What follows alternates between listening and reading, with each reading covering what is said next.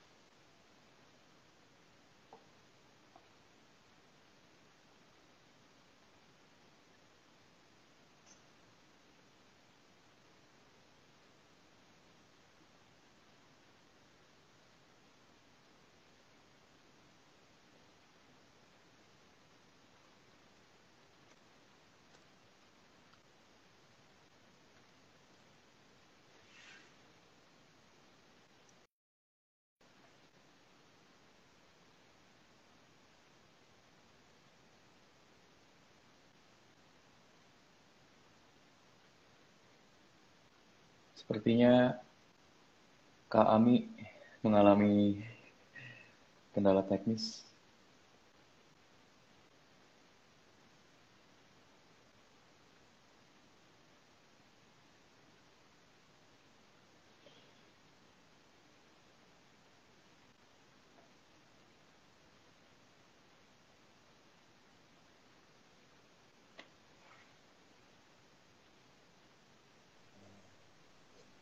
Halo Mi. Halo ya Allah, kenapa ya? Gak ngerti, sekarang? Uh, gak tapi ngerti ini sinyal, kenapa. sinyal aman, sinyal. Kayaknya sinyal aman nih, tiba-tiba dia nggak mau gitu kak. Aduh, siap. Tapi ini udah better kok dari dari cahaya, dari cahaya, dari suara, dari gambar. Jadi semoga nggak ada hambatan. Tadi udah ngobrol sama Ami uh, sampai tanggal 13 Juli sekolah udah mulai masuk di Indonesia. Terus tadi Ami boleh share sedikit nih um, ngajar di SD mana? Kami ini pengajar di Mejiku dan kuliah uh, sekarang jadi mahasiswa di sorry uh, kemarin jadi mahasiswa di Universitas Negeri Jakarta ya, Mia. ya.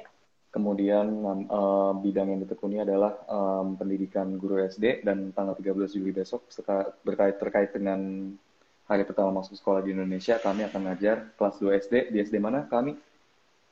Di SDN Jati 05 itu dekat Terminal Rawamangun yang di Jakarta pasti tahu. Oke, oke di SDN Jati Warna, sorry Jati 05. Jati 05 di kawasan Rawamangun ya, Jakarta Timur. Oke.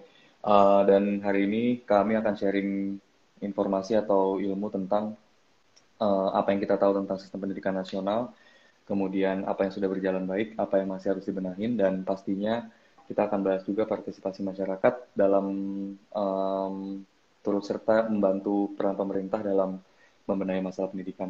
Dan kami ini udah join di Mejiku dari tahun 2017 ya kami ya, 2017 akhir udah hampir um, tiga tahun, mau jalan tiga tahun tahun ini insya Allah.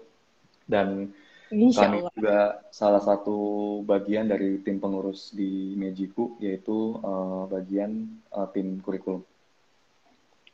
Ya, Benar itu itu sedikit sekali. introduction buat kami.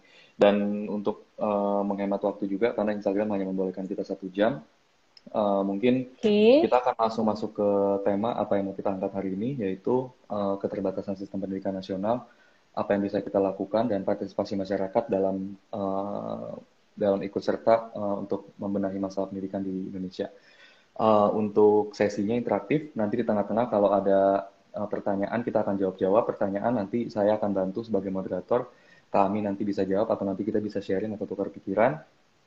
Dan untuk membuka, mungkin kami bisa sharing juga sedikit tentang uh, apa sih definisi pendidikan di Indonesia secara umum, secara khusus, kemudian mungkin kami bisa juga masuk ke cerita secara singkat sejarah pendidikan di Indonesia dari um, masa sebelum penjajahan sampai masa uh, sampai di masa uh, kolonial Belanda dan Jepang, kemudian sampai pendidikan di masa um, persiapan menjelang kemerdekaan Indonesia.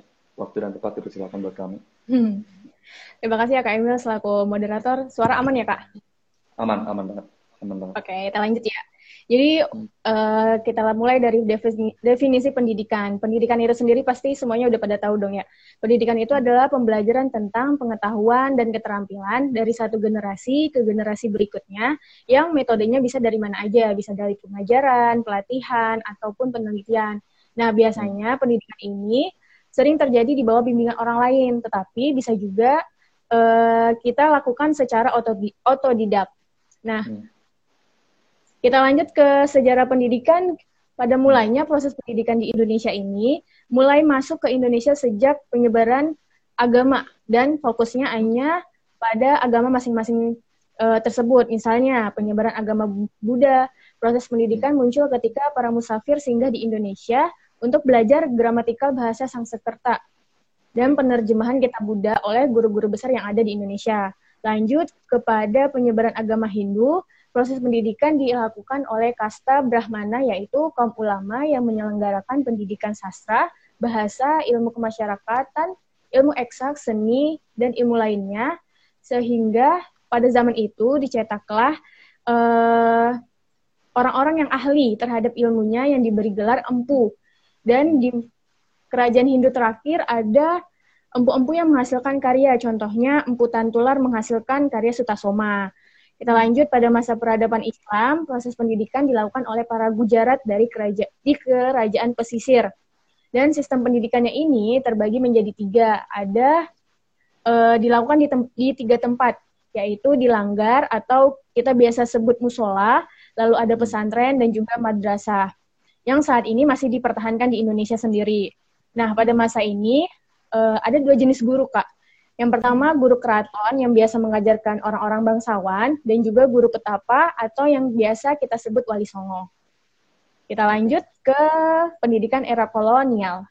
Hmm. Nah, dimulai pada awal abad ke-16 di bawah pengaruh bangsa Portugis yang mendirikan sekolah-sekolah agama yang memiliki tujuan untuk menyebarkan agama Katolik Roma Ya. Nah, sekolah-sekolah ini memberikan perhatian khusus kepada siswanya sehingga salah satu tujuan mengajar di sekolah ini untuk menemukan bakat-bakat siswanya yang kemudian diarahkan secara bijaksana untuk kepentingan Ordo Yesus. Jadi Ordo Yesus itu sebuah keserikatan Yesus pada zamannya yang didirikan oleh sekelompok mahasiswa pasca sarjana dari Universitas Paris. Nah, pada waktu itu sekolah-sekolah ini tidak dipungut biaya.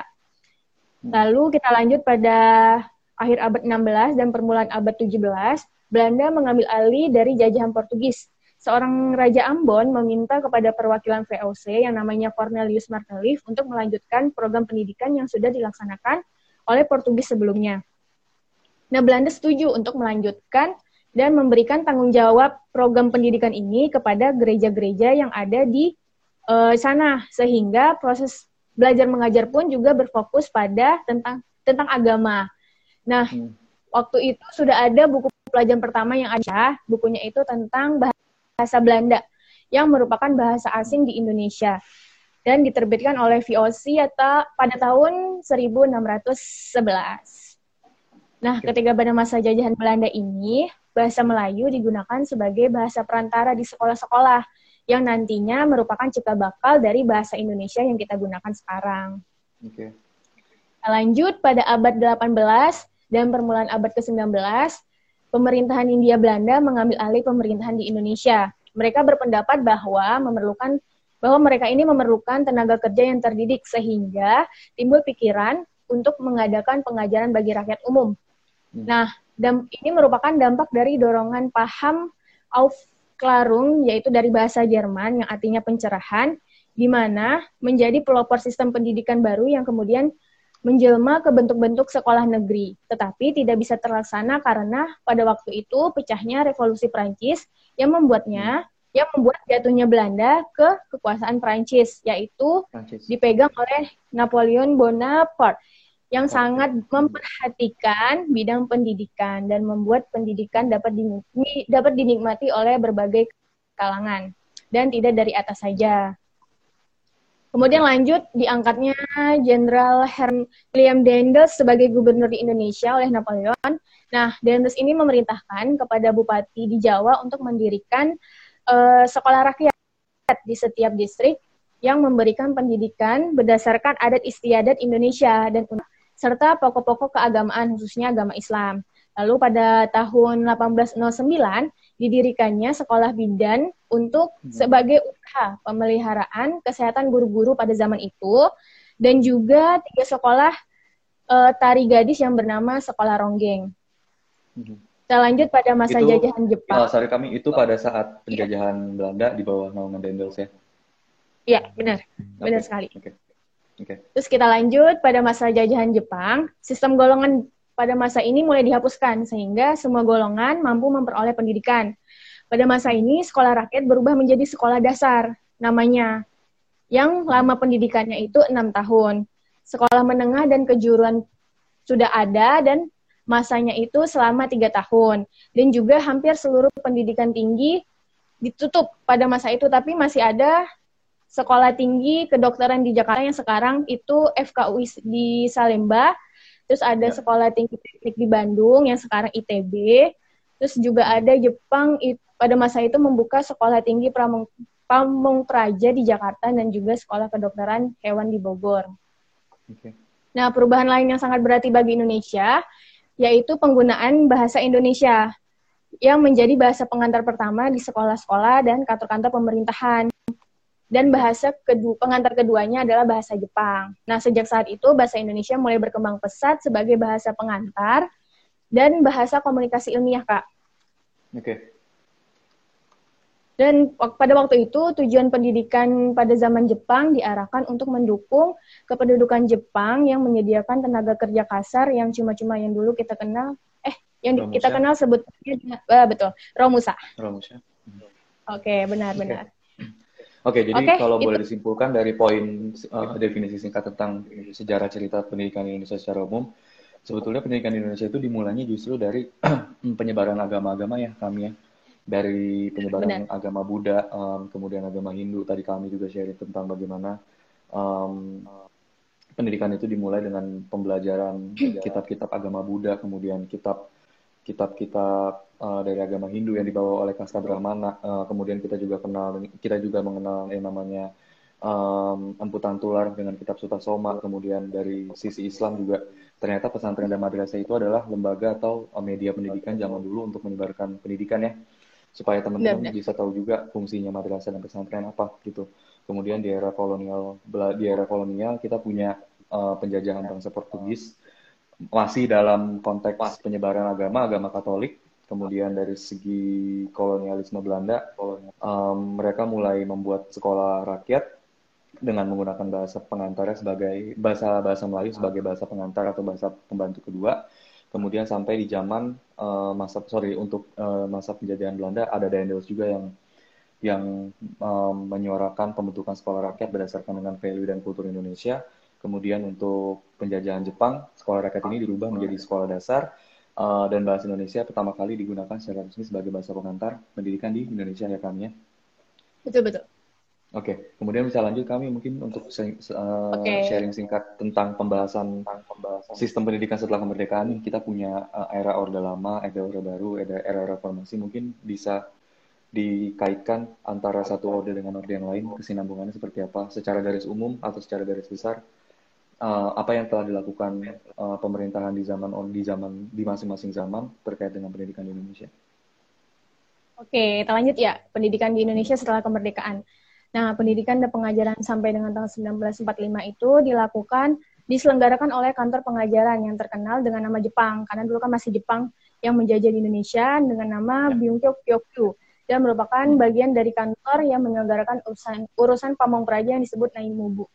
Nah, hmm. segera setelah dipromo, setelah diproklamasikannya kemerdekaan, pemerintah Indonesia menunjuk uh, Bapak Ki Hajar Dewantoro sebagai Menteri Pendidikan dan Pengajaran yang pengabdiannya dimulai dari 19 Agustus 1945 sampai dengan 14 November 1945. Nah, karena masa jabatan yang umumnya amat singkat, pada dasarnya tuh nggak banyak uh, hal yang dapat diperbuat oleh para menteri pendidikan tersebut. Apalagi di Indonesia masih disebutkan dengan berbagai persoalan bangsa karena baru saja merdeka kan.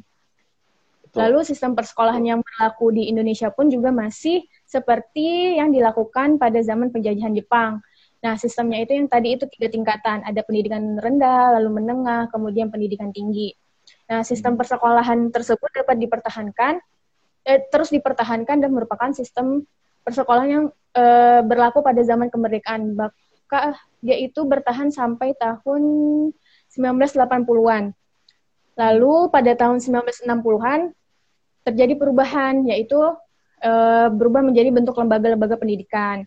Nah, pada tahun perkembangan lain yang terpenting tercatat pada tahun ini yaitu adalah pada pada era 1945 sampai 1969 69 berdirinya 42 perguruan tinggi negeri berupa universitas, institut, dan hmm. sekolah tinggi yang umumnya terletak di ibu kota provinsi. Sehingga pada kurun waktu tersebut dapat dikatakan sebagai era pertumbuhan perguruan tinggi, begitu. Okay. Lalu sistem pendidikan Orde Lama. Nah, pada Orde Lama ini didirikannya siswa. Dan pada masa ini mulai berpegang pada uh, semboyan pendidikan yaitu Ingarso Sungtulodo yang artinya memberikan tauladan di depan, Ingmadia Mangun Karso yang memiliki arti di tengah membangun semangat, dan Tuturi hmm. Handayani itu sendiri memberi uh, memberikan dorongan dari belakang. Hmm. Nah, pada zaman Orde Baru ini, eh Orde Lama ini mulai dibentuk undang-undang tentang pendidikan tinggi, tentang Majelis Pendidikan Nasional, lalu pokok-pokok sistem pendidikan nasional Pancasila.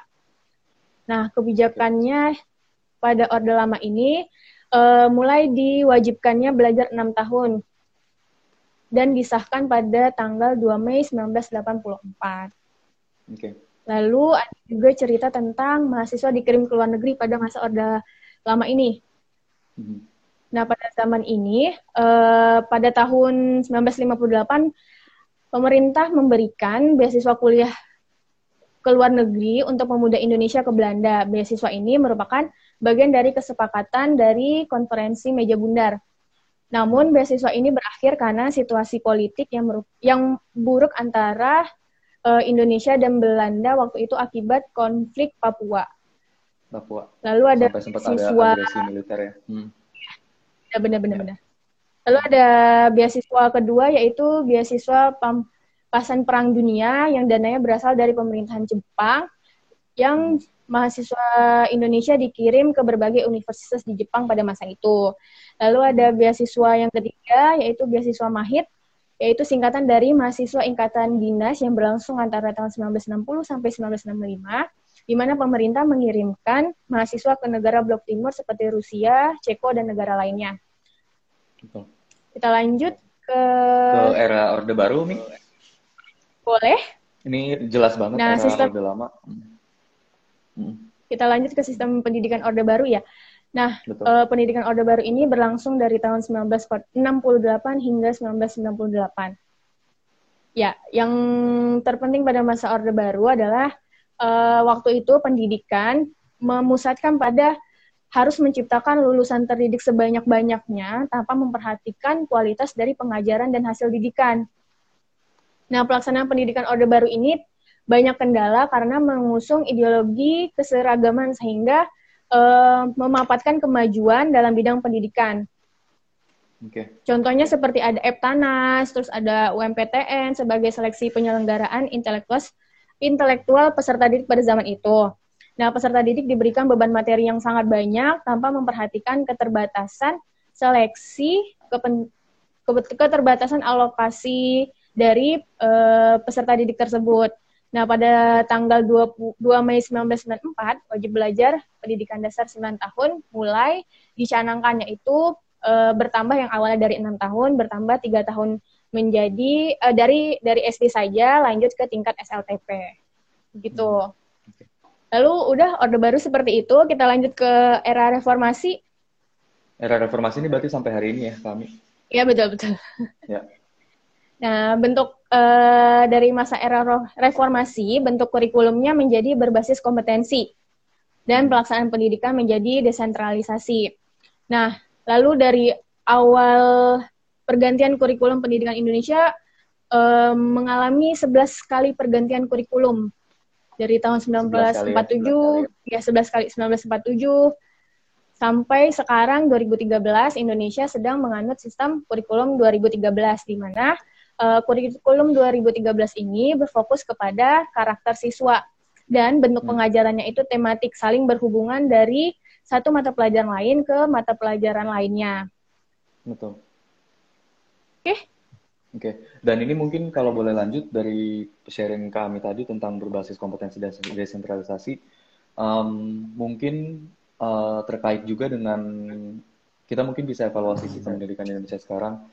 Uh, kita sekarang mengenal sistem yang namanya uh, selain kurikulum 2013 tadi yang sekarang masih kita jalankan, ada sistem PPDB, mungkin lebih terkait dengan penerimaan uh, murid baru di sekolah-sekolah, kemudian ada sistem zonasi juga. Mungkin kami bisa sharing sedikit kami tentang sistem PBDB ini, kemudian tentang sistem zonasi juga, mekanismenya seperti apa supaya mungkin teman-teman atau nanti orang-orang yang nonton uh, di IG Live bisa bisa dapat gambaran juga apa sih sistem PPDB, apa sih sistem zonasi itu.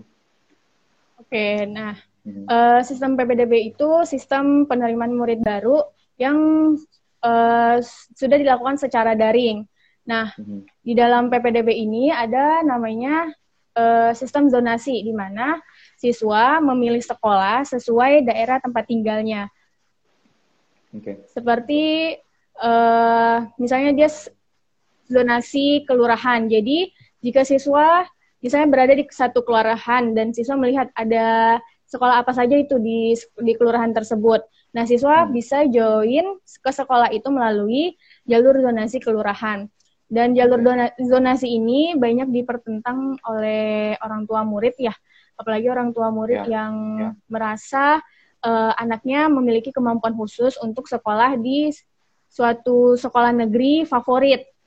Betul. Kalau orang tua kan bilangnya gitu ya, sekolah favorit, anaknya sudah diberikan uh, les tambahan, tambahan, benar sudah so, mengeluarkan ibaratnya mengeluarkan banyak untuk kemampuan anaknya, tapi ketika uh, mendaftarkan ke sekolah yang baru, mereka terantuk oleh uh, sistem zonasi ini, begitu. Betul. Betul. Tapi kalau dari pandangan kami sendiri sebagai um, apa um, lulusan mahasiswa uh, lulusan bidang hmm. pendidikan guru SD dengan adanya sistem zonasi ini menurut kami sendiri bagaimana? Apakah kami salah satu orang yang setuju atau orang yang kontra dengan ide tersebut? Hmm. Kalau saya ya, mungkin pribadi bisa di, mungkin bisa bisa menimbang dari poin plus dan poin negatifnya juga. Karena kalau dari saya pribadi saya tahu tujuan pemerintah ini sebetulnya baik. Uh, selama Benar. mungkin hampir 32 tahun kita kan selalu sistem pendidikan kita itu terpusat, tersentralisasi. Tersentralisasi itu bukan hanya masalah administrasinya, tapi bagaimana masalah penyampaian materi di kelas. Mungkin kayak zaman Ami atau zaman saya dulu, kalau kalau sekolah di, di, di, di sekolah negeri gitu ya, guru itu kan cuma ngajar, cuma ngajar di depan pakai kapur, dulu pakai pakai kapur, cuma ngerangin di papan tulis, kemudian siswanya nyatet nanti kita nanti nanti guru tuh tanya ke anak murid kira-kira ada masih di ada masih harus ditanya atau enggak mengerti atau tidak. Nah sebenarnya mungkin salah satu alasan kenapa pemerintah memperlakukan desentralisasi ini adalah untuk merubah pola nggak hanya masalah pola administrasi tapi juga pola belajar yang terdesentralisasi. Jadi um, memberikan keleluasan atau kewenangan pada sekolah untuk uh, bisa leluasa juga mengatur sekolahnya mengatur mengatur cara belajar masing-masing uh, sekolah sesuai dengan um, kultur atau mungkin habit di daerah setempat. Ya nggak sih, Mi? Benar-benar. Jadi kalau dari saya sih uh, sebetulnya ini plus minus memang uh, kita saya juga tahu bahwa banyak banget orang tua yang udah mengeluarkan uang banyak untuk untuk untuk untuk les masuk sekolah favorit segala macam dan sebenarnya tujuan diadakan desentralisasi ini untuk meniadakan stigma tentang sekolah unggulan, tentang sekolah terpadu, tentang sekolah favorit tadi sih. Jadi siapa pun orang Indonesia, siapa pun anak Indonesia mau sekolah di mana pun, mau sekolah di Kelurahan Gondangdia, mau sekolah di Kelurahan um, Jati Sampurna di Bekasi, um, mau kuliah di, mau sekolah di Palu, mau sekolah di Maumere atau sekolah di Ambon itu kualitasnya sama. Kualitasnya sama. Saya paham, saya paham uh, tujuan pemerintah, tapi mungkin dalam pelaksanaannya banyak banyak banyak banyak apa ya banyak kekecewaan dan mungkin memang kebijakan ini yang diambil sekarang um, tidak bisa menyenangkan semua pihak. Tapi kalau misalkan kita bisa lakukan ini dengan baik, administrasi juga berjalan dengan lancar, harusnya ini jadi sistem yang jauh lebih baik dibandingkan dengan sistem sentralisasi kemarin. Iya nggak sih, Mi? Mungkin Ami ada tambahan. Uh, di, jadi, dari sekolah sendiri mungkin Ami bisa sharing juga bagaimana perla, apa sorry, uh, perlakuan atau pelaksanaan tentang PPDB tentang zonasi itu sendiri. Jadi kenapa jalur dona, zonasi pada tahun ini itu dipermasalahkan karena uh, seleksi yang dilakukan pada jalur zonasi ini uh, ada tiga jenis. Uh, maksudnya tiga tiga pilihan. Misalnya ada tiga yang menentukannya. Pertama ada pertama ada usia tertua, lalu ke usia termuda. Jadi jika anaknya usianya tertua dibandingkan siswa-siswa lain, otomatis siswa yang muda akan turun ke bawah urutannya. Okay. Ketika jadi usia tertua akan naik ke atas, lalu juga ada urutan pilihan sekolah sama waktu mendaftar. Jadi mengapa jalur zonasi ini banyak dikecewakan oleh para orang tua karena uh, pengaruh usia dalam input sekolah ini begitu. Itu itu kan itu, ada juga itu ya. berpengaruh ya Mia. Berarti tahun 2020 Sangat. itu selain masalah tempat tinggal, uh, sekolah juga akan memperlihatkan usia juga ya. Benar-benar benar. Oke. Okay. Nah dari okay. dari usia itu kan, uh, misalnya usia anak-anak yang baru akan mendaftar sekolah ke jenjang berikutnya kan, pasti ada yang muda gitu, uh, tidak sesuai. Jadi jadi orang tua itu merasa ketika anaknya memiliki usia muda, dia was-was was-was dengan sekolah pilihannya. Misalnya dia milih ke sekolah favorit anaknya misalnya. Dan Betul. kebetulan mungkin juga di jalur zonasi anaknya. Tapi hmm. karena usianya lebih muda dibandingkan siswa-siswa lainnya ikut mendaftar, kemungkinan uh, siswa tersebut anaknya ini yang dengan usia muda bisa saja tidak masuk ke dalam uh, sekolah yang sudah dia pilih. Oke, okay. walaupun sebetulnya walaupun secara kapasitas dan kompetensi si anak tersebut layak dan mumpuni ya masuk di sekolah tersebut. Benar-benar, benar-benar. Oke. Okay. Oke, ini yang perlu dicatat sih. Jadi masalah usia ternyata di tahun uh, di di PPDB sistem zonasi tahun 2020 itu uh, sangat berpengaruh dibandingkan dengan tahun 2019. Oke. Okay. Oke. Okay. Kemudian uh, dari mungkin kami bisa sharing sedikit kami dari segi administrasinya uh, apakah sistem PPDB zonasi ini sudah berjalan dengan baik atau misalkan ternyata prak, secara praktek tuh masih loh masih banyak yang harus dibenahi juga. Hmm. Lalu untuk hmm. uh, sistem administrasinya, kalau di sekolah uh, saya sendiri, sekolah sekolah Ami sendiri, uh, jadi bagian operatornya emang setiap hari selama selama proses PPDB dibuka, mereka stay di sekolah. Jadi buat orang tua yang uh, tidak tidak mengerti cara input karena kan dia uh, daring ya PPDB-nya ya? ini kan daring ya benar online.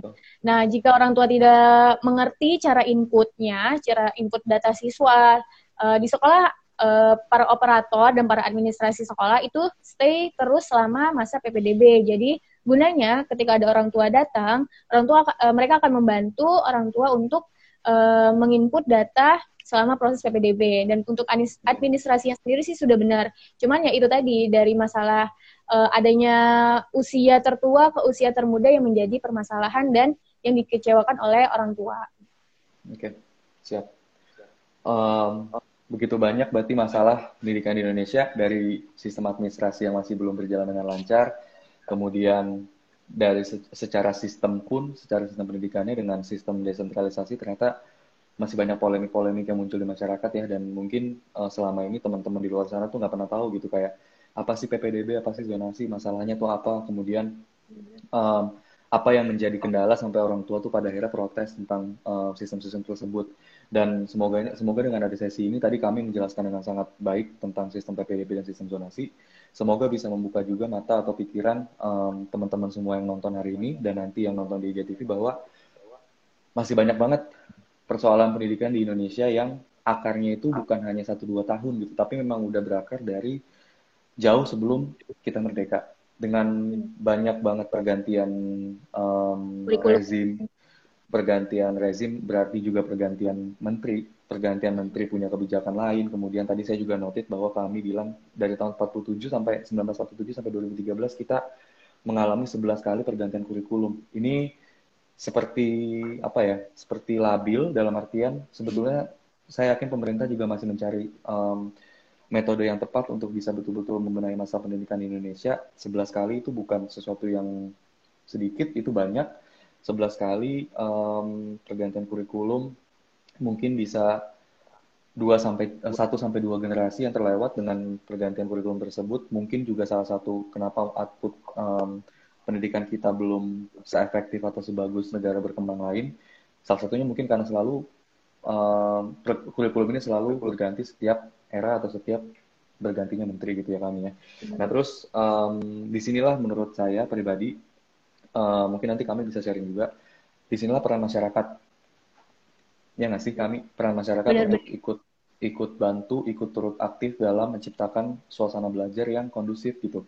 Jadi sekolah itu siogianya bukan hanya masalah um, datang ke sekolah, dapat nilai, ujian, terus masuk ke sekolah favorit, masuk ke uh, perguruan tinggi atau universitas favorit, tapi lebih ke bagaimana um, penyerapan nilai-nilai yang kita dapat di sekolah itu sendiri sih. Dan kesalahan terbesar adalah kita itu menganggap di Indonesia sebagian besar pendidikan itu hanya ketika kita datang ke sekolah, duduk, ada guru menerangkan, pulang, pulang kita udah selesai gitu. Kita menganggap oke okay, pendidikan itu ini, ini apa um, identik dengan sekolah. Tapi sebetulnya pendidikan itu adalah long life learning.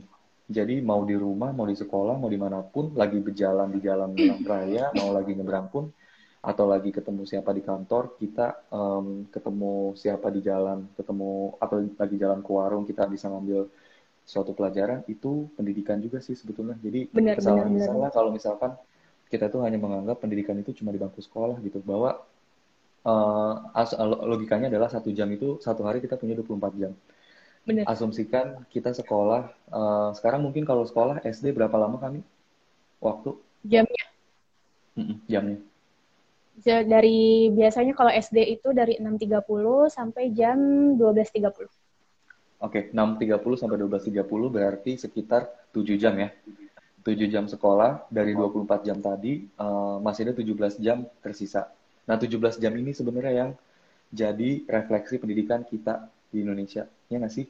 7 jam ya. itu ibaratnya kita mendapat suatu teori, mendapat suatu ilmu baru, um, di kelas atau di sekolah, tapi prakteknya aplikasinya itu kita aplikasikan di 17 jam sisa yang kita punya Benar. dalam satu hari tadi. Jadi itulah mengapa pendidikan itu bukan hanya tentang masalah sekolah, bukan hanya masalah um, kita dap kita kita datang ke sekolah, kita belajar terus kita pulang.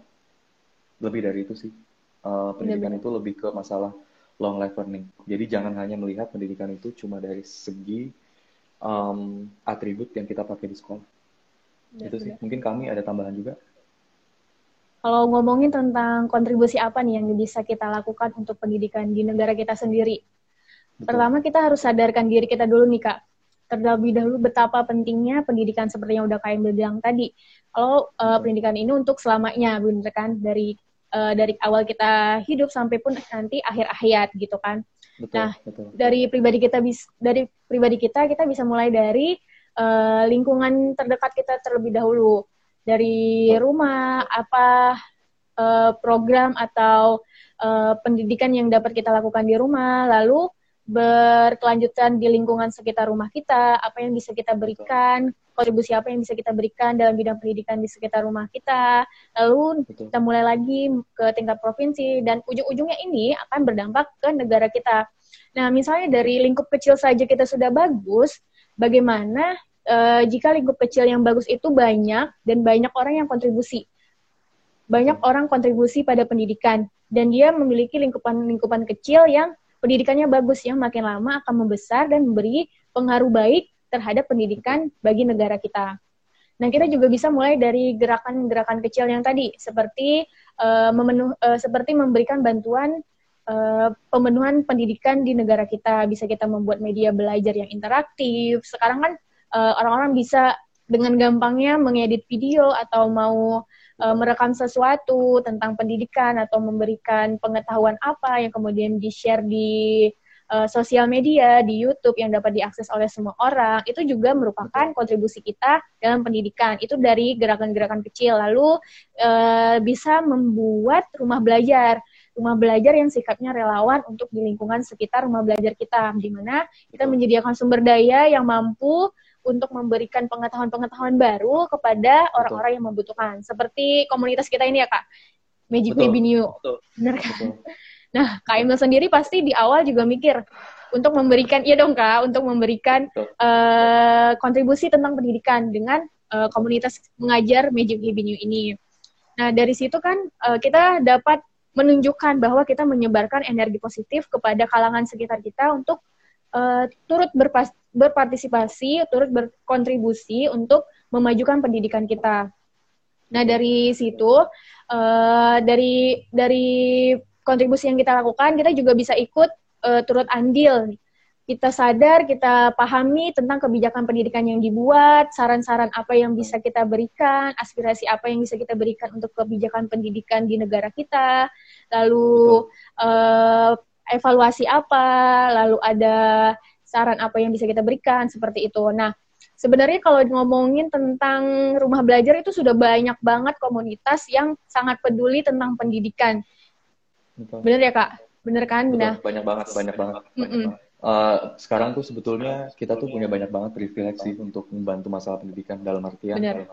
sudah banyak juga orang-orang yang hatinya tergerak untuk membantu masalah pendidikan ini kemudian ada juga eh, gerakan-gerakan uh, uh, saya tahu banyak lah teman-teman di luar sana juga yang berkecimpung di dunia pendidikan. Um, dan ini adalah memang waktu yang tepat sih waktu yang tepat untuk benar-benar sama-sama bergerak sama-sama berkontribusi.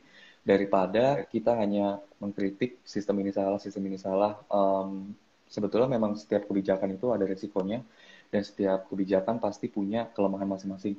Nah daripada kita ribut-ribut masalah um, sistem ini kurang, sistem ini mestinya seperti itu, ya, lebih baik kita udah kita sama-sama batu, sama-sama bergerak apa yang kita bisa lakukan dari lingkungan sekitar. Karena saya percaya bahwa pendidikan itu berlangsung seumur hidup dan dilaksanakan nggak hanya di sekolah, mulai dari rumah tangga, ya.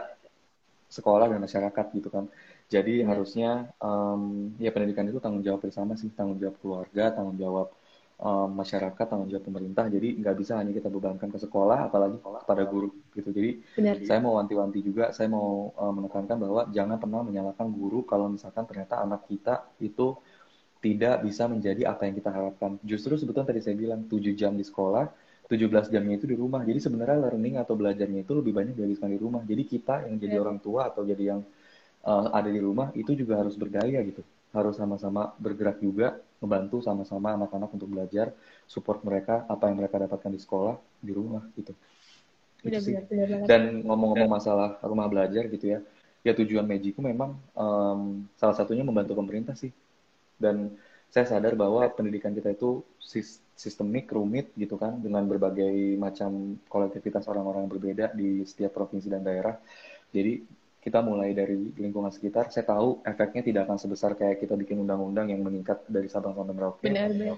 Um, mau merubah pendidikan pun terlalu apa ya, terlalu besar mimpinya kalau misalkan hanya dengan lewat Mejiku kita mau merubah semua pendidikan sistem pendidikan Indonesia atau nasional itu nggak mungkin. Kita juga realistis dan saya sadar itu. Tapi itu kita bergerak dari dari tempat yang memang kita bisa um, kontribusi maksimal dan kita punya sumber daya itu untuk membantu sama-sama bergerak uh, di bidang pendidikan. Dan makasih juga nih buat kami yang udah um, hampir tiga tahun join. Jadi um, ini adalah salah satu bentuk atau kontribusi nyata kita untuk uh, pendidikan di Indonesia. Benar-benar. Itu sih. Kemudian um, kemarin mungkin juga uh, saya nggak tahu mungkin kami juga pernah ditanya sama beberapa orang atau misalkan adalah ketika misalkan um, kayak saya dulu sering sih ditanya walaupun kayak udah kerja gitu kan setiap weekend tuh masih ngurusin Mejiku kemudian untuk apa buat siapa ngapain gitu kan udah capek apa segala macam ya balik lagi sih balik lagi ke poin bahwa saya sadar bahwa pendidikan itu bukan suatu hal yang um, saya punya banyak privilege gitu kan dan kalau misalkan privilege itu nggak saya pakai untuk membantu atau kontribusi ke masyarakat um, kita sebagai kaum terdidik kami sebagai kaum terdidik itu justru jadi kewajiban untuk sama-sama uh, menyalakan lilin untuk orang-orang atau teman-teman di luar sana yang um, dalam tanda kutip kurang terdidik dan um, sama-sama menyalakan lilin dalam gelap sih daripada kita um, komentar-komentar jadi keyboard warrior gitu ya. Jadi lebih baik kita sama-sama bergerak itu mungkin ini nyambung juga ke poin uh, di mana waktu dua minggu atau tiga minggu yang lalu kita bahas tentang tujuan bahasa Inggris gitu ya ada Kaseptian yang yang sharing tentang bagaimana sebenarnya um, apa yang kita punya itu bukan bukan hanya milik kita, tapi ada porsi milik orang lain juga. Nah, Magiku itu adalah salah satu kontribusi kita dari apa yang harusnya orang lain dapat dalam hidup. Itu sih. Benar-benar. Kalau dari saya. Dari kami dan untuk, mungkin. Hmm. Dan untuk orang-orang yang mendengarkan uh, Eagle Life ini, kalau misalnya nanti ketika kita melakukan kontribusi untuk pendidikan di sekitar kita, lalu kita mendengarkan cemo uh, cemo dari orang lain, seperti kata Kak Emil tadi. Contohnya misalnya waktu dulu kami sempat uh, ngabdi, ngajar juga di lingkungan Rusunawa, di mana orang tuanya itu yang notabene uh, lebih memperdulikan tentang mencari uang untuk anak-anaknya mencari uh, ikut serta bekerja mencari uang untuk keluarganya. Uh, pada daerah itu susah sekali untuk menghimbau anak-anaknya itu uh, ikut belajar bersama kita. Padahal itu pelajarannya dilakukan cuman sama seperti Magiku satu setengah jam atau dua jam jika ada materi tambahan dan itu juga dilakukan secara cuma-cuma. Kita berkali-kali melakukan himbauan kepada orang tua betapa pentingnya pendidikan. Kita juga uh, kalau rusunawa tahu ya kak bertingkat-tingkat. Ya, bertingkat. Dan dan lingkungannya juga, juga sempit gitu ya. Iya, oh, benar. Kita juga dulu uh, numpang di musolanya Rusunawa. Jadi setiap mau belajar kita bersihin sama seperti Apretas setiap uh, di gondang dia kita juga pas awal belajar kita bersihin, selesai juga kita bersihin Betul. seperti itu. Betul. Kita naik turun tangga minta ke orang tuanya untuk anaknya ikut. Hanya di hari Minggu saja pada waktu itu di komunitas yang satu komunitas yang pernah saya ikuti uh, di hanya di hari Minggu. Ibaratnya hari Minggu, hari weekend, hari saatnya anak-anak belajar, eh saatnya anak-anak bermain, dan kita datang untuk membawa uh, program pembelajaran yang sambil bermain, ibaratnya gitu, di mana anak-anak bermain tapi ada proses pembelajaran di dalamnya. Dan itu sangat susah sekali, di mana juga uh, kita-kita yang kontribusi di sana uh, dipandang sebelah mata. Kenapa sih datang ke sini terus ujuk-ujuk bawa uh, gerakan ayo bu anak-anaknya ikut belajar sama kita ayo ayo padahal kan anak-anaknya harus bantu uh, uh, ikut bekerja bantu mencari uang seperti itu nah tapi jika misalnya diri kita sendiri kokoh ibaratnya kita uh, optimis nih kita untuk mengembangkan pendidikan di suatu daerah Nah, orang-orang orang-orang sana pun juga akan memberikan makin lama, makin lama akan memberikan dampak positif. Maksudnya anak dia mulai mengikuti anak-anaknya. Karena kan kita juga tidak hanya memberikan pendidikan semata untuk anak-anaknya. Kita juga memberikan pendidikan kepada orang tuanya seperti di Mejiku kita ada kelas inspirasi ya nggak sih kak? Ya kan? Ya, yang kayak ada semacam untuk pemberdayaan Buat, orang tua murid. Jadi ya, kita benar. memberikan pelatihan-pelatihan. Jadi karena sorry um, saya potong sedikit nih, karena memang uh, yang tadi saya bilang kita tahu anak-anak itu belajar bukan hanya di sekolah tapi di rumah juga. Ya mereka terus belajar continuous learning dan oleh oleh karena itu orang tuanya juga harus berdaya gitu. Nah, gimana benar, gimana benar. anak itu mau mau mau punya inspirasi, mau termotivasi belajar kalau orang tuanya sendiri nggak belajar dan nggak pernah dilihat belajar gitu kan. Jadi benar, itu benar. salah satu tujuan kenapa kita bikin-bikin pelatihan untuk orang tua murid supaya uh, mereka juga bisa menjadi inspirasi buat anak-anaknya bahwa belajar itu nggak cuma datang ke mejiku, nggak cuma datang ke sekolah, tapi lebih dari itu sih. Di rumah pun kita tetap masih belajar karena belajar itu proses umur hidup bukan berhenti pada saat jam pelajaran atau jam pendidiku selesai. Itu sih poinnya. Mungkin bisa lanjut kami Nah, uh, ketika kita optimis dengan gerakan-gerakan yang kita lakukan, kita juga memberikan tadi dampak positif kepada orang tua, dampak positif kepada anak. Uh, pada awalnya jangan berekspektasi dulu nih. Biasa kan kita kalau mau bikin rumah belajar atau gerakan komunitas kita udah berekspektasi. Nanti kalau misalnya uh, gede gimana, gimana gimana gitu. Padahal kenyataannya ketika di lapangan kita mulai hanya beberapa anak uh, yang ya. orang tuanya sadar. Seperti di Mejiku dulu mulainya di bawah rel kereta ya kan kak? Ya. ya. ya dan di itu berpindah-pindah. Yang kalau hujan tuh basah, kadang kita tutup atau nggak jalan kalau misalkan hujan. Sekarang alhamdulillah udah punya dia. Nah, um, bisa continuous learning. Jadi apa pun yang terjadi, walaupun dalam kondisi pandemik, kita tetap masih bisa jalan. Benar-benar. Nah, contohnya Mejiku sendiri kan, dari awalnya yang dibawa rel kereta, terus makin lama kita dapat tempat uh, Air Petra dari pemerintah. Jadi, jika kita optimis, kita sungguh-sungguh dalam melaksanakan gerakan uh, relawan tentang pendidikan ini, uh, makin lama makin akan berkembang seperti tadi. Betul. Terus kita juga, Betul. seperti Mejiku kan sudah banyak bekerja sama dengan uh, komunitas lainnya, Kak, untuk hadir, Betul. memberikan pengetahuan baru kepada adik-adik, kepada orang tua, Betul. seperti itu. Betul dan tujuannya tadi sih um, kenapa kita tuh um, membuat gerakan seperti Magic ini salah satunya untuk memberi inspirasi juga kepada orang lain untuk melakukan hal yang sama untuk sama-sama bergerak dan uh, poin untuk kami tadi masalah jangan dipikirin takut besar segala macam itu benar banget karena percaya aja ketika misalkan kita tulus kita nggak ada niatan apa apa selain memang untuk membantu insya Allah pasti ada jalan kok benar, selama benar. perjalanan itu pasti akan ada tangan-tangan yang kita tuh mungkin tidak pernah terpikirkan sebelumnya yang um, turut membantu uh, gerakan tersebut menjadi lebih besar dibandingkan dengan sebelumnya. Kuncinya hanya satu, yaitu konsisten dan um, harus tahu tujuan dan misi yang kita bawa itu apa. Itu sih Benar. karena kalau enggak uh, Magiku nggak akan sampai enam tahun, insya Allah tahun ini enam tahun. Dan, dan dan dan nggak dan dan dan nggak akan sampai sebesar ini sih. Itu. Dan balik lagi tujuan kalau misalkan tadi poin kami kalau misalkan ada mencoba apa segala macam dicuekin aja. Karena nggak usah dibalas karena ini sesuatu yang memang timely dan relevan dan kita buktikan dengan kerja nyata aja sih bahwa Benar -benar. yang kita lakukan itu bukan untuk um, popularitas bukan untuk uh, cari sensasi atau apa pun tapi memang kita melakukan itu niatnya dari hati untuk sama-sama membantu masalah sistem pendidikan di Indonesia. Yang tadi sudah dijelaskan sama kami banyak banget polemiknya. 11 kali ganti kurikulum dari tahun 1947 sampai 2013 dan eh, nggak uh, ada alasan buat kita untuk um, diam aja di rumah um, berpangku tangan hanya mengalahkan pemerintah. Pemerintah masih harus dibantu. Jadi daripada kita komentar-komentar, daripada kita terus kasih kritik, yuk sama-sama bergerak.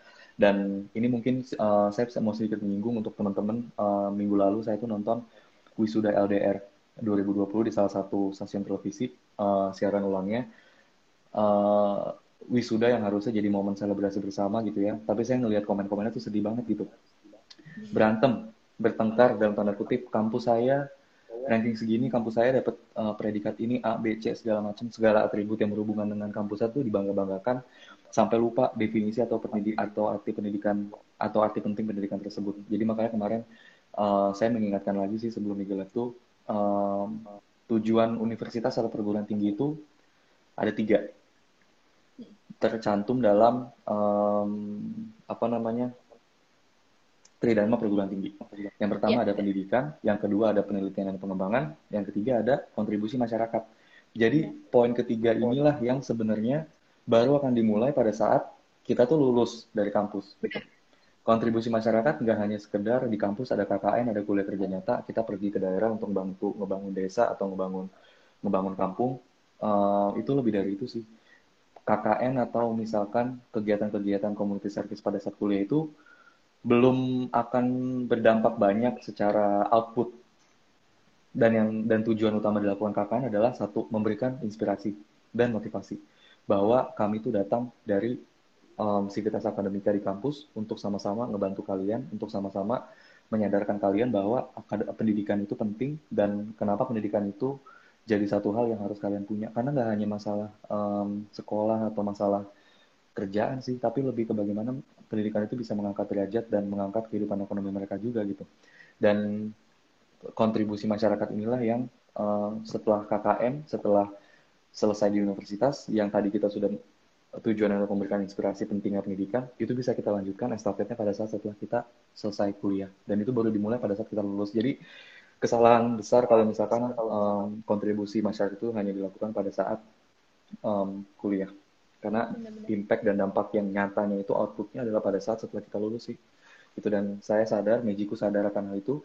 Jadi saya bersyukur dan mau berterima kasih juga terhadap uh, 65 teman-teman pengajar yang uh, sekarang ada di Mejiku kepada orang tua murid, kepada anak murid juga yang udah loyal sama kita, belajar setiap hari di Sabtu, dan pengurus RKTRA.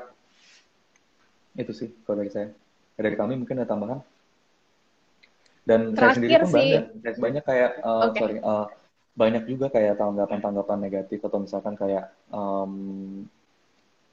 apa sih impactnya gitu apa sih yang kalian uh, tuju segala macam. Jadi poin saya adalah nggak usah dihiraukan, kita tetap jalan, kita tetap bergerak. Toh juga nanti pada akhirnya orang lain itu akan melihat apa yang kita lakukan tanpa harus kita berteriak, harus berkoar-koar, harus berkoar apa yang kita lakukan sekarang um, dan lain dan dan dan dan intinya adalah um, usah takut, nggak usah takut untuk memulai karena cuma butuh dua tangan dan satu hati untuk berbuat baik sih. Jadi inilah yang Benar. kita bisa lakukan, kontribusi masyarakat yang bisa kita lakukan sekarang dari ranah terkecil, komunitas Magic Ibinio di RK Tragonanggia.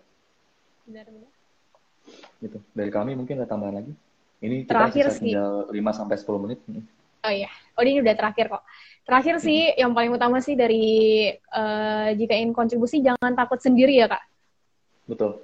Betul. Benar, jangan takut sendiri. Jangan takut sendiri, jangan takut berpikir wah bakal sendirian nih untuk melakukan gerakan-gerakan yang ber, yang ada dampaknya yang gerakan-gerakan relawan tentang pendidikan jangan takut sendiri padahal sebenarnya banyak orang-orang yang uh, ingin berkontribusi tapi tidak ada wadahnya, tidak ada temannya. Betul, nah, betul, jika misalnya kita bisa mampu mengeksplorasi daerah-daerah kita apa pendidikan apa yang dibutuhkan, pendidikan apa yang dapat kita tambahkan dan kita uh, merencanakan hal itu, pasti banyak orang-orang di sekitar kita yang akan ikut serta begitu. Dan mau membantu dan sih, mau. Betul. Dan benar, benar. kita nggak pernah tahu sampai kita betul-betul memulai. Saya nggak tahu kalau kami dan teman-teman yang lain, ada Kak ada Kak Tina, ada teman-teman pengajar yang lain itu punya passion yang sama di bidang pendidikan.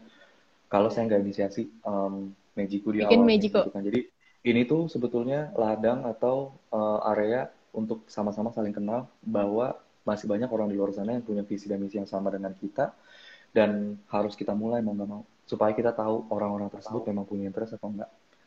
Itu sih dan benar, percaya benar. aja pasti along the way selama perjalanan itu pasti akan ada banyak orang-orang yang mau berbantu dan berkecimpung di bidang pendidikan. Itu benar, sih dan benar. kenapa kenapa uh, kita tuh harus bergerak sekarang? Karena yang tadi yang kemarin saya bilang di preambul Indonesia itu tahun 2045 100 tahun usianya. Dan di tahun 2045 itulah banyak banget lembaga-lembaga survei, banyak banget kampus-kampus di seluruh dunia menggadang-gadang Indonesia itu bakal jadi kekuatan ekonomi terbesar nomor 5 atau nomor 6 di dunia. Kemudian kita punya bonus demografi angkatan kerja yang produktif usia 25 sampai 60 tahun itu di tahun 2045. Dan nggak akan kita bisa mencapai ke sana, nggak akan kita menjadi aktor utama perekonomian dunia, nggak akan kita bisa mengutilisasi bonus demokrasi tadi, bonus demografi secara tepat kalau tidak kita mulai dari sistem pendidikan. Karena kita tahu sistem pendidikan itu krusial dan masih banyak yang harus dibenahin, inilah saatnya buat kita untuk sama-sama bergerak, sama-sama berkontribusi dari lingkungan sekitar. Dan kalau kami mau tahu, sekarang saya lagi sekolah di Inggris, dapat beasiswa dari LPDP, Lembaga Pengelola Dana Pendidikan. LPDP ini adalah salah satu mesin untuk kita mencapai tujuan kita di tahun 2045 untuk menjadi aktor utama perekonomian dunia dan untuk mencapai bonus demografi yang berkualitas di tahun 2045 tersebut. Dan lagi-lagi um, karena saya ada di lingkungan ini sekarang, jadi jadi honor dan responsibility untuk saya. Apa yang bisa saya lakukan untuk lingkungan sekitar dengan dengan dengan asupan uh, support finansial yang saya dapatkan sekarang itu untuk bisa betul-betul membawa Indonesia tahun 2045. Emang saya nggak akan bisa merubah dari sama-sama Merauke, tapi at least saya dan teman-teman yang berkecimpung di dunia pendidikan itu punya tools untuk bisa membuat kita sampai ke sana. Itu sih. Sekaligus saya juga Benar-benar. mau menyarankan kepada teman-teman uh, yang punya privilege seperti saya gitu ya, nggak ada salahnya untuk memulai dan um, uh. kita punya privilege yang sama sama-sama bergerak dan ingat lagi tujuan tadi sih tujuan kita untuk berbagi apa yang kita punya ke orang lain dan sebagian dari apa yang kita punya itu bukan hanya untuk diri kita tapi untuk orang lain. Di bidang ini uh, sorry di dalam case ini kontribusi saya tetap akan di bidang pendidikan insya Allah. Itu sih kalau dari saya. Dari kami mungkin ada penutup lain tambahan. Udah, buat ibu-ibu uh, buat ibu-ibu terima kasih udah nonton Semoga obrolannya menginspirasi walaupun tadi sempat kita ada technical problem sedikit di 5 menit 10 menit Benar. awal tapi ini kami udah sharing bagus banget gitu ya. Cerita dari um, pendidikan di Indonesia secara umum dari uh, zaman sebelum penjajahan, kemudian dari masa penjajahan sampai um, pendidikan sebelum kemerdekaan dan pendidikan post kemerdekaan sampai saat ini gitu kan. Kemudian kami juga sharing tentang um, evaluasi sistem pendidikan seperti sistem PPDB, sistem zonasi, dan kita juga sharing banyak tentang peran masyarakat, apa yang harus kita lakukan, kontribusinya apa gitu kan, dan saran-saran juga untuk teman-teman yang nonton, uh, kalau misalkan mau mulai untuk kontribusi bidang pendidikan, nggak ada saran lain selain hanya satu, mulai dulu aja. Benar. Ya kami, ya kami. Sip. Ini sesi yang bermanfaat. Semoga uh, bisa menginspirasi. Tujuannya bukan tujuannya tidak lain hanya untuk menginspirasi orang lain supaya bisa sama-sama bergerak di bidang pendidikan dan kita masih harus sama-sama bergerak untuk terus membantu uh, negara kita mencapai tujuan yang betul-betul diinginkan. Dan yang poin penting lagi adalah pendidikan itu termaktub di dalam Undang-Undang Dasar 1945 bahwa uh, setiap warga negara Indonesia itu um, berhak dan layak untuk mendapatkan pendidikan. Itu ada di pasal 31 ayat sorry pasal 31 ayat 1 sampai 5 Undang-Undang Dasar 1945 ya kami. Jadi um, ini bukan hanya tentang pemerintah, ini bukan hanya tentang sekolah, bukan hanya tentang guru, tapi tentang kita semua. Benar banget. Terima kasih banyak kami. Uh, Sama-sama Kak Emil. Uh, habis ini kita bakal share ke IGTV supaya teman-teman yang nggak nonton atau lagi nggak sempet bisa sharing juga, bisa nonton dan bisa dapat ilmunya yang bermanfaat. Um, terima kasih juga untuk teman-teman yang udah nonton tadi uh, dan sekarang masih stay. Uh, kita ketemu lagi minggu depan di uh, tema dan topik yang berbeda. Insya Allah akan kita umumkan nanti seperti biasa, Hamin satu atau Hamin dua sebelum dimulai sesi tersebut. Sukses buat kami um, apa pun yang terjadi tanggal 13 tanggal 13 besok sekolah akan mulai masuk lagi sukses buat semua rangkaian administrasi um, masa orientasi segala macam uh, kalau misalkan ada info-info yang relevan untuk dunia pendidikan bisa di share di komunitas nanti akan kita okay. uh, akomodir akomodir supaya yang lain juga bisa tahu dan paham oke okay? thank you okay. kami selamat thank you Kak Emil bye bye bye bye sore Assalamualaikum. Waalaikumsalam.